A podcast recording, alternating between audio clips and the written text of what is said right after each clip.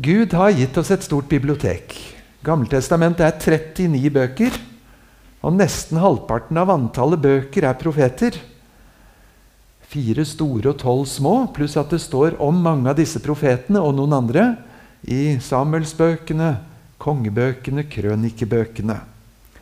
Nå skal vi plukke ut noen av dem, og jeg skal gjøre et halsbrekkende forsøk på liksom en drøy halvtime å gi et panorama av hva var det spesielle med hver.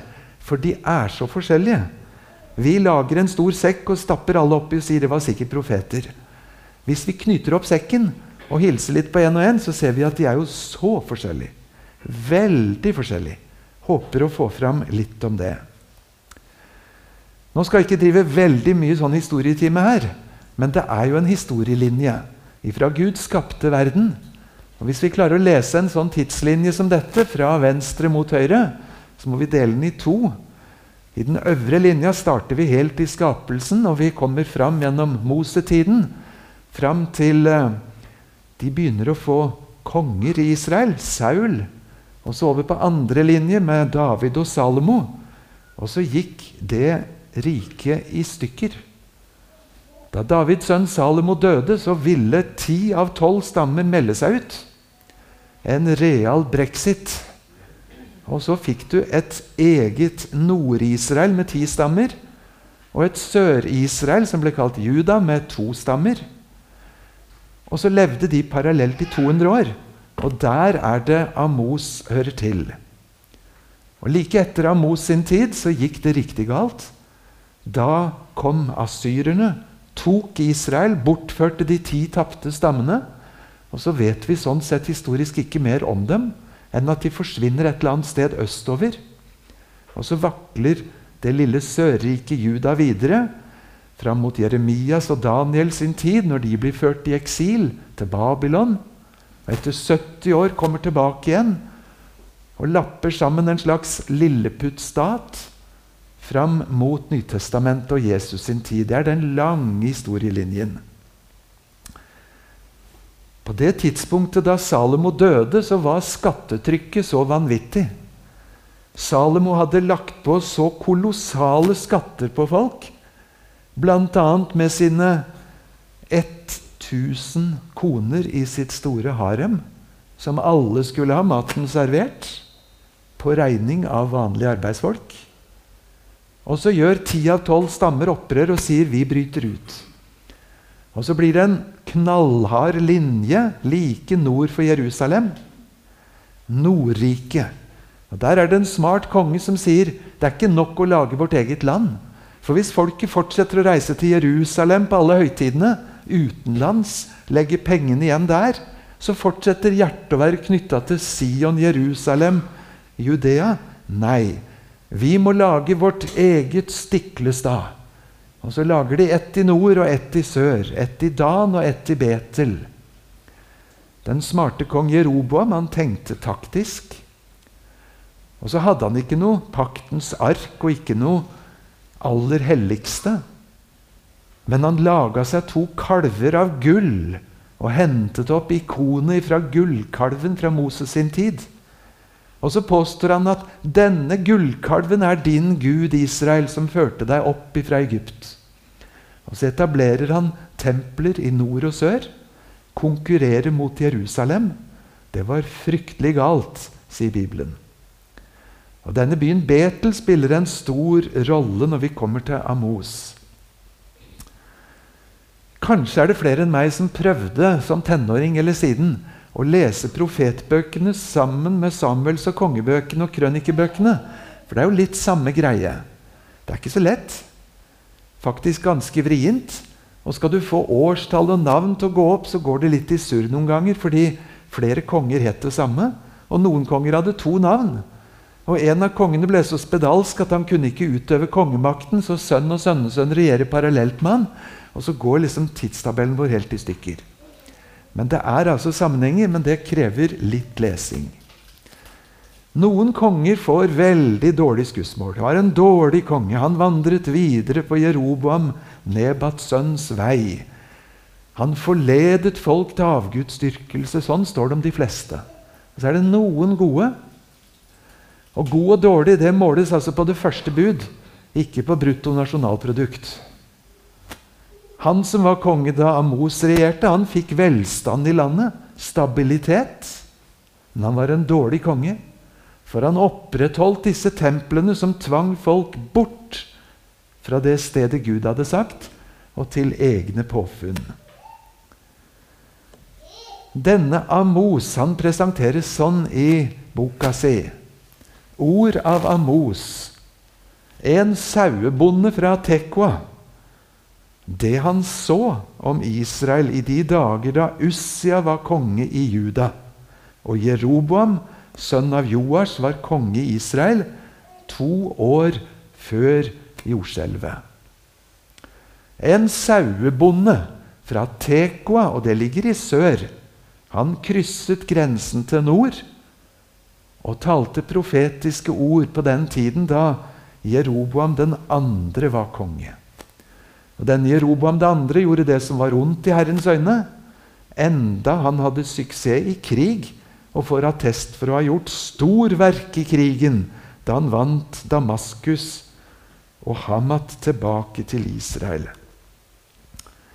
Men denne Amos han er ingen takknemlig fremmedarbeider i nord. Etter å ha forkynt sin profeti så blir han kalt inn for selveste ypperstepresten i Betel, som heter Amasha. Og med klar melding Her står det i kapittel 7. Rapport til kongen. Amos har fått i stand en sammensvergelse mot deg midt i Israels hus Landet kan ikke tåle alle ordene hans. For Amos sier Jeroboam skal dø for sverd. Israel skal drives i eksil bort fra sitt land. Siden sa Masha til Amos.: Du seer, gå din vei. Kom deg av sted til Juda. Der kan du spise ditt brød. Der kan du profetere.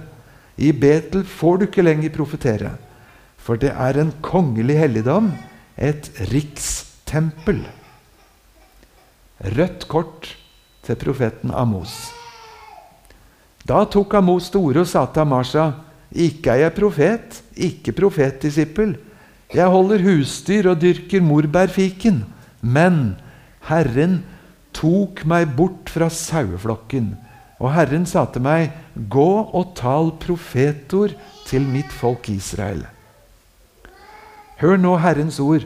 Du sier, ikke tal profetord mot Israel, ikke spå mot Isaks hus. Derfor sier Herren, din kone skal være en hore i byen. Sønnene og døtrene dine skal falle for sverd. Jorden din skal deles med målesnor. Du selv skal dø på uren jord. Israel skal drives i eksil fra sitt land. Hardt mot hardt. Konfrontasjon rett på. Forsvinn!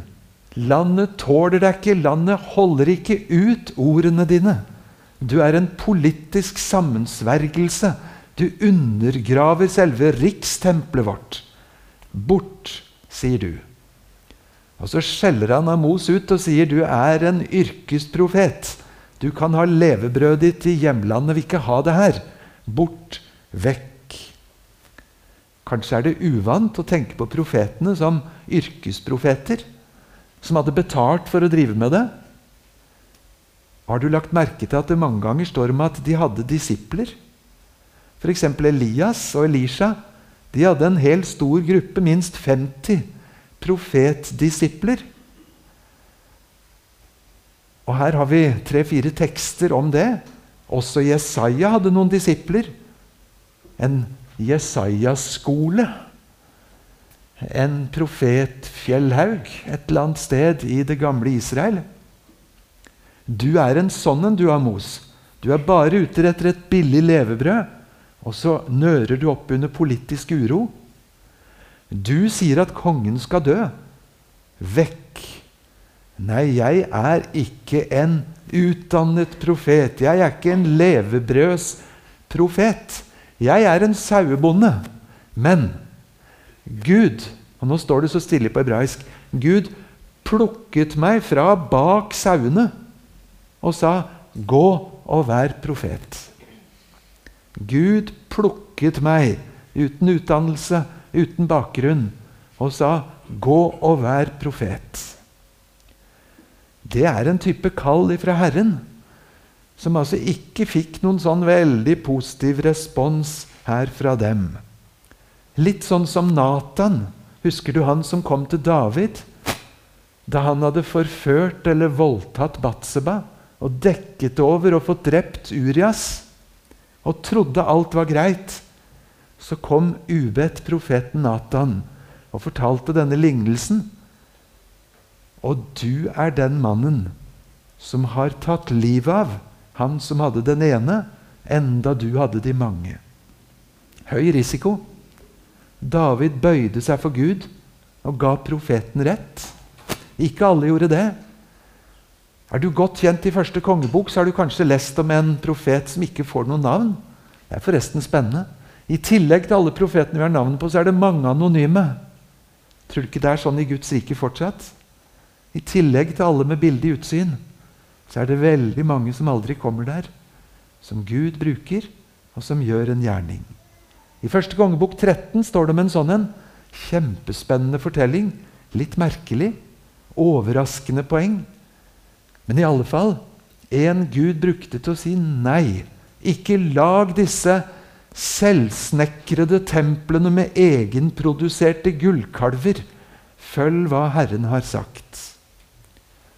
Døperen Johannes er ikke mindre modig når han går rett imot sønnen til Herodes og offentlig går i rette med han for hvordan han har tatt sin egen svigerinne til kone selv. Profeter de så bak fasadene og kunne avsløre både samtid og fremtid, for de fikk det fra Gud. Jeg vet ikke om jeg kan lage et enkelt skjema, men her er et forsøk. Det er noen som har et kall fra Gud, og som har et kall fra menigheten, og de er rett hyrde og prest. Så er det noen som får et kall fra Gud, men som aldri får noe kall fra mennesker. En sann Herrens profet, sånn som Amos. Men så er det noen som får et ytre kall fra en menighet, men de har ikke noe kall fra Gud. Det kaller vi en toastmaster. Samme hva titler du ellers har. Og så er det noen som verken har kall fra Gud eller mennesker, men gir seg likevel til å tale en tvers igjennom falsk profet. Litt stilisert sagt. Jeg nevnte Betel. Har du tid en gang på bibel.no, så slå opp de 60 stedene hvor det står om Betel i Bibelen. Det er en spennende bibeltime i seg selv. Det får litt med dette å gjøre. Jeg har antyda en grenseby i sør, like ved Jerusalem, som skulle hindre handelslekkasjen. Nei. Tilbedelseslekkasjen til utlandet for å holde lojaliteten til seg selv. Det skal gå fryktelig galt. Amos sa tre ganger klart fra om at det som foregår her, det ser så prektig ut, og prosesjoner og ofringer på plass. Fine ord, men ikke samsvar med Guds vilje. Og drar dere hit og deltar i dette, så drar dere dit og synder. Ikke dra dit, ikke bidra, for Herren har sagt noe annet, selv om alt det ytre står seg. For Gud tåler ikke en falsk gudsdyrkelse, og heller ikke en gudsdyrkelse som blander seg sammen med et liv i urett, sånn som Jesaja sa. Dere som er ute etter bare egen vinning, selv når dere kommer til gudstjeneste. Jeg måtte sette et lite ord i grønt her. To ganger nylig har jeg hørt om noen som ikke helt skjønte hva en gjøkalv er for noe. Skulle de slakte en gjøkalv? De hadde vært litt i overkant mye Ringenes herre-verden og visste om ganske mange alver. At noen alver er en gjøkalv, visste de ikke. Men det var jo brutalt å slakte dem. Jeg er mett på brennoffer av værer og fett av gjøkalver. Det står gjøkalver. Kjenner du grillosen? ifra templene. Av at alt er på stell, ytre sett. Og fungerer bare til å legitimere og godkjenne et råttent liv der mennesker tråkker på andre. Det er profetenes protest. Jeg hater, tåler ikke høytid og urett sammen, sier Gud. Men, står det i den samme teksten, kom, la oss nå gjøre opp, la oss gå i rette med hverandre. Om det er sånn at syndene deres er som purpur, kan Gud gjøre dem hvite som snø. Er de røde som skarlagen, skal de bli som den hvite ull. Og som David en gang sa Gud har ikke først og fremst behag i å få servert kjøtt på et offeralter. Det som behager Gud, er et hjerte som har bøyd seg for Herren når Herren taler både om synd og om nåde. For det er altså sånn at du blir ikke en hamburger av å svinge innom McDonald's. Og du blir ikke en Tesla hvis du får pacemaker operert inn. Du blir, Guds, du blir ikke en del av Guds folk med å stå i rett prosesjon på vei til et tempel i Betel eller Jerusalem for den saks skyld, hvis hjertet ikke vibrerer i takt. Profetene tar oss med bak fasaden og spør hva bor der inne. Og De tar oss med inn i hverdagen og sier er det samsvar mellom hva Herren har talt, og hva du sier. Jeg må få vise dere et Midtøsten-kart. Det er svært. Her er det nasjoner og folk og land som vi kunne plukke direkte inn i Dagsrevyen i 2020. Det gjør også profetene. Enda profetene bodde i den bitte lille puttstaden som heter Juda, med nabolandet Israel, så smått at hadde grensene vært trukket, så ville det se ut som en golfball på kartet. Og likevel så henvender de seg til kongene i Persia, Media, Elam, Asyria, Armenia, Lilleasia, Egypt, Syria og nabolandene. En av grunnene til at de ofte visste om landet, det var krigene. Et sted i 2. Samuel så står det at på den årstiden når kongene pleier å dra i krig Hører du for en fryktelig uttrykksmåte? Når korn er i jorda, når gårdsbruket går sin gang, overlates kvinner og barn. Da marsjerer herrene av sted til utlandet for å plyndre og for å være på eventyr. På den årstiden når kongene pleier å dra i krig. Alle de ofrene, alle de som fikk trampet sine åkre flate av sinte soldater, som fikk plyndret sine matlagre, som fikk skjendet sine familier pga. krig. I disse profetbøkene så er det til sammen 50 kapitler der Gud ikke snakker til Israel og Juda, men til alle de andre nasjonene.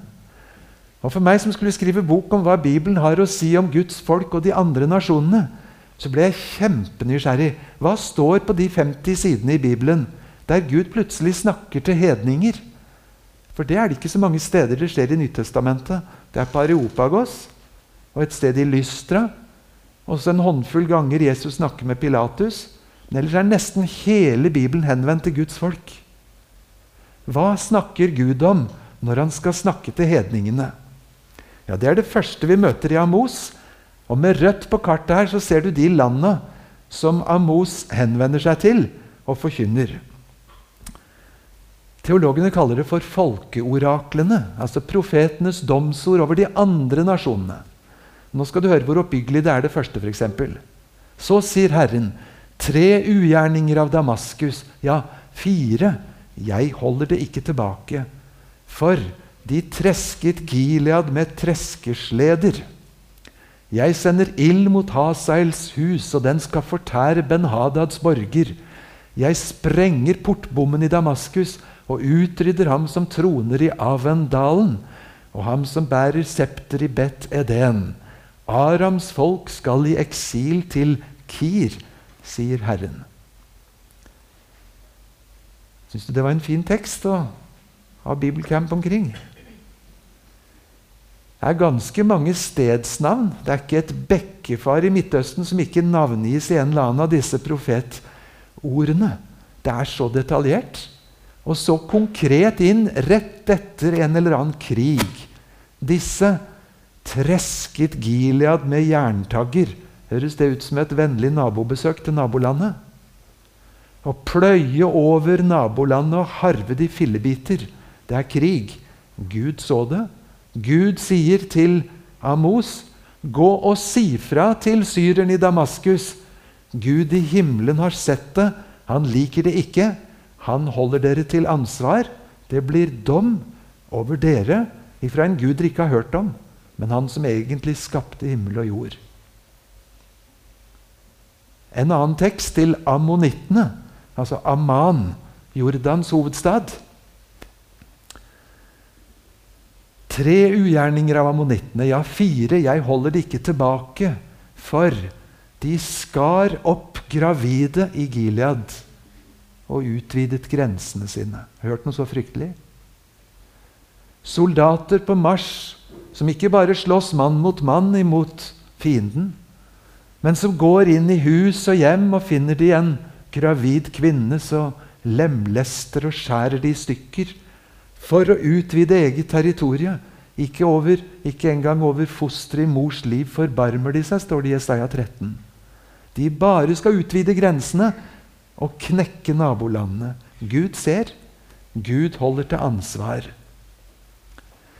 Hadde vi hatt tid til å lese alle de sju domsordene mot nabofolkene, så ville du sett at her er det ganske mange sånne spesifikke budskap. De brøt gamle avtaler. De brydde seg ikke om våpenhviler. De turet fram slik de selv ville. Hvorfor har Gud tatt med alle disse strenge ordene? Det har jeg grubla fælt på. Jeg har ikke bare ett svar. Men bakgrunnen må jo være at Gud i himmelen har skapt alle nasjoner, ikke bare Israel. Og han er herre over alle folkeslag. Men Gud stiller også alle mennesker til ansvar, også dem vi kaller hedninger. Hvert eneste menneske, enten de kjenner Gud eller ikke, har en historie gående med Gud. Det kommer et regnskap. Hvert eneste folk har en relasjon til Israel. Og Gud er også i disse profetordene han som våker over Genévekonvensjonen. Han som våker over krigsretten. Han som legger merke til politikk og handel og privatliv og det hele. Han ser, og han holder til ansvar. Noen har tenkt at dette kan være noen slags forbannelser som profetene skulle utrope. Noen har sett en link til helligkrigene. Noen leser det som politiske ytringer. Men først og fremst, prøv å ta med deg det fra Amos. Gud holder alle mennesker til ansvar, også de som tror de har meldt seg ut. Husker du den dagen du meldte deg inn i tyngdeloven? Var det en festdag, en flaggdag hjemme? Kjære ligningskontor, jeg vil gjerne si opp mitt abonnement. Vennligst fjern mitt navn fra deres liste. Har du prøvd? Noen steder er det stas å bli tatt opp som medlem. Jeg er gammel nok til at jeg husker veldig godt EF-avstemningen i 1972. Den var ti ganger verre enn den i 1994, men de var ille begge to. Skal skal ikke melde oss inn. Husker du den dagen du meldte deg inn i tyngdeloven? Den som gjør at du stort sett befinner deg trygt på bakken og ikke svevende et eller annet sted. Hadde jo vært gøy noen ganger vært fritatt litt av tyngdeloven. Men du skrev pent under da du ble myndig 18 år. 'Jeg melder meg hermed inn i tyngdeloven.' Gjorde du det? Har du husket å melde barna dine inn i tyngdeloven? et helt meningsløst resonnement. Bibelen taler om en annen sånn tyngdelov som heter syndens og dødens lov. Husker du da du meldte deg inn i den? Har du husket å melde barna dine inn i syndens og dødens lov? Syndens lønn er døden. Du hører det absurde i dette. Hos Amos og hos de andre profetene så tas det som en forutsetning. Hvert menneske er skapt av Gud. Vi er født med en relasjon. Vi er innmeldt. Og Guds regler er klare. Og brudd på det fører til døden. Og så er det ikke bare spesielt religiøse folk som melder seg inn i gudsrelasjonen. Der er vi. Og så står vi til ansvar. Det første bud er kanskje det vi tenker først på. Men av alle de 50 sidene med sånne domsord mot fremmede folkeslag, så har jeg faktisk ikke funnet det første bud én gang. Ingen av stedene har jeg funnet at Gud anklager dem først og fremst for at de er hedninger, men for det de har gjort. Og så sier Nytestamentet noe om hva det er å være en hedning. Uten unnskyldning, sier Paulus i Romerne 1. Og likevel Det er altså ikke bare det første bud, men det er de mange andre budene. Og summen av det hele med et regnskap mot Gud. For Gud forholder seg til sitt Israel. Det var bare dere jeg ville kjennes ved blant alle jordens slekter, sier Gud gjennom Amos. Hele globusen full av nasjoner. Og så plukket Gud ut Israel og sa 'bare dere'. Men litt senere hos Amos så står det forresten det var jeg som styrte nabolanda deres også, sånn at folkevandringene endte der de er. For jeg er en Gud som er herre over det hele. Men nettopp fordi du har fått den posisjonen i Israel, så står du i et dobbelt ansvar. I det landet vokste jeg opp. Dette er fra inni et tempel et sted i Kåbe. Estetisk vakkert, reine linjer. Nydelig utført. Stillhet, balanse og harmoni. Men ikke Gud. Mange som ber, noen som ofrer. Til hvem? Profeten Amos setter det i noen krasse lys.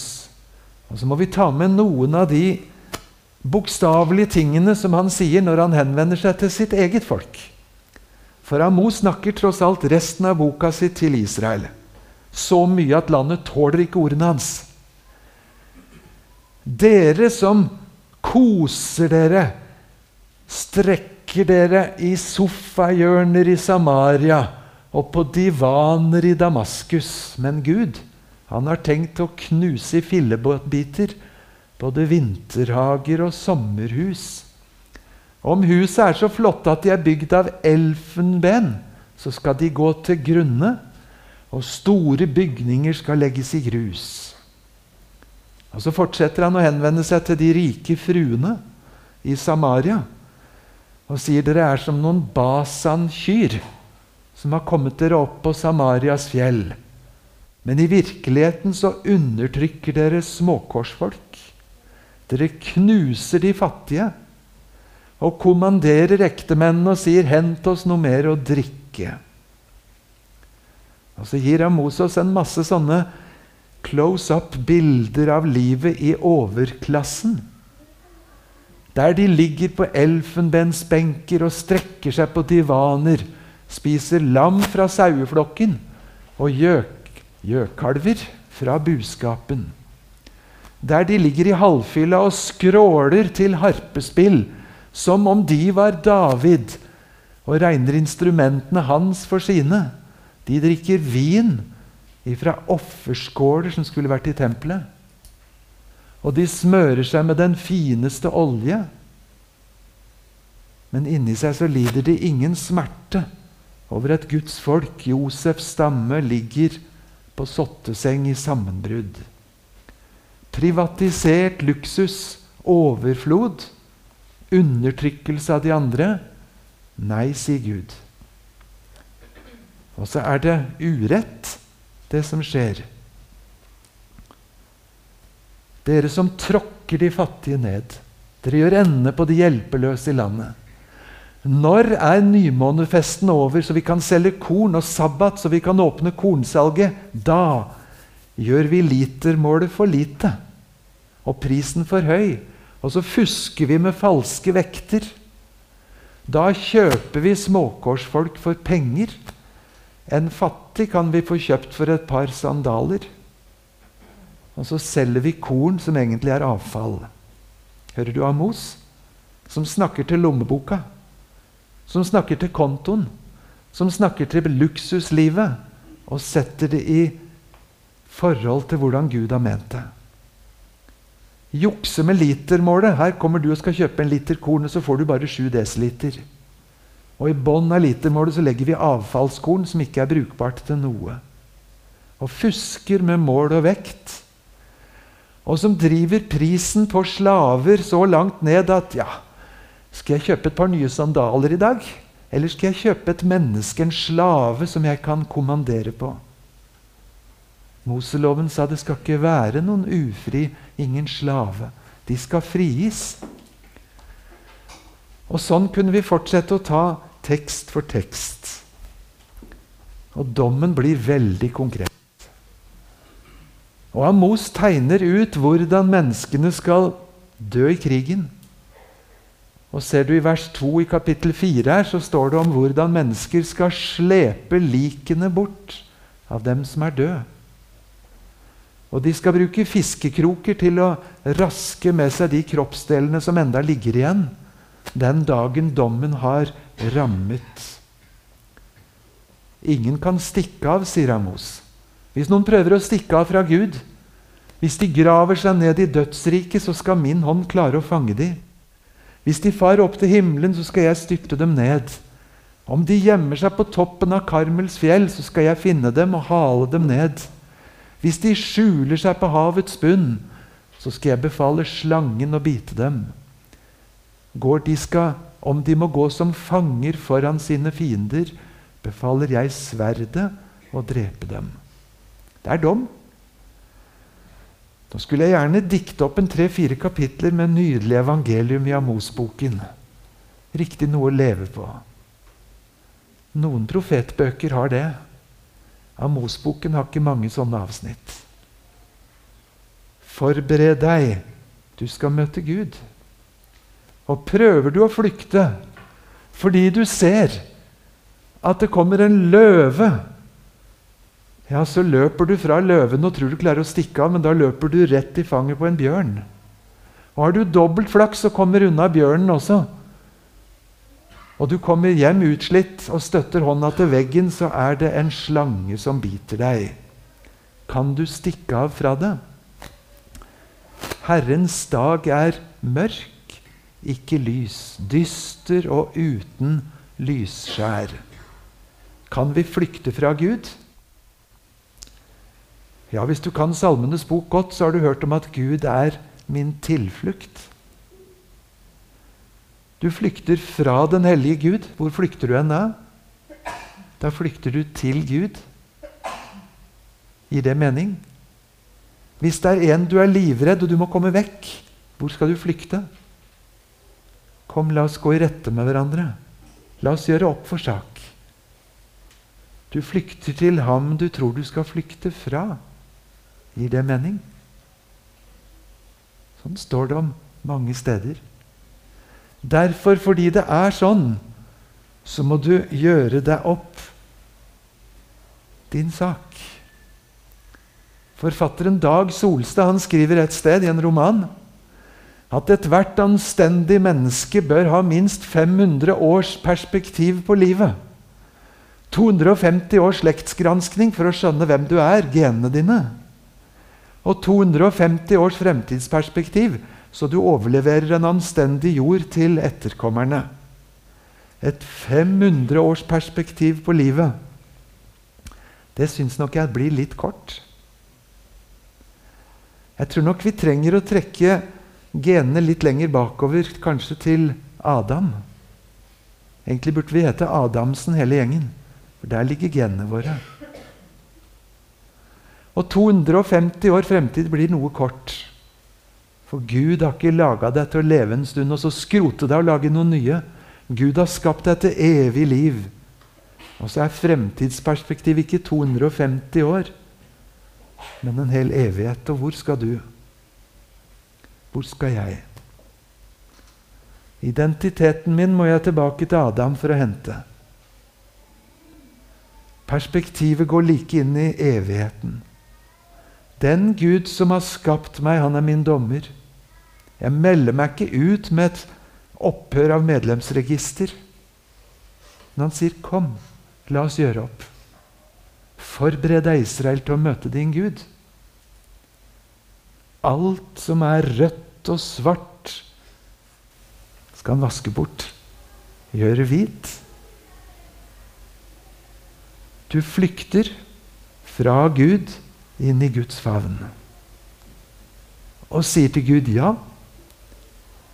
Sånn er det egentlig prinsipp med meg òg. Og i realiteten er det kanskje verre. Men sånne kom du for Jesus. Sånne har du å si noe til. Det vil jeg takke for. Takk, gode Gud, at du har skapt oss for mer enn 250 år. Du har skapt oss for en evighet. Takk for hele Bibelen. Takk for det vi rakk å se nå. Lær oss, Jesus, å lese våre liv i lys av det som er så mye, mye større. Så ber vi om at du velsigner barna, de som er midt i oppveksten, oss som er her, familiene våre. La oss bli himmelen sammen, vi som er det her på jord. Og vi ber deg for de mange som enda ikke er frelst. Og for de som ikke vet om de er frelst eller ikke, at de må bli det. Og at vi må få lov til å høre til i det toget som går mot himmelen. Amen.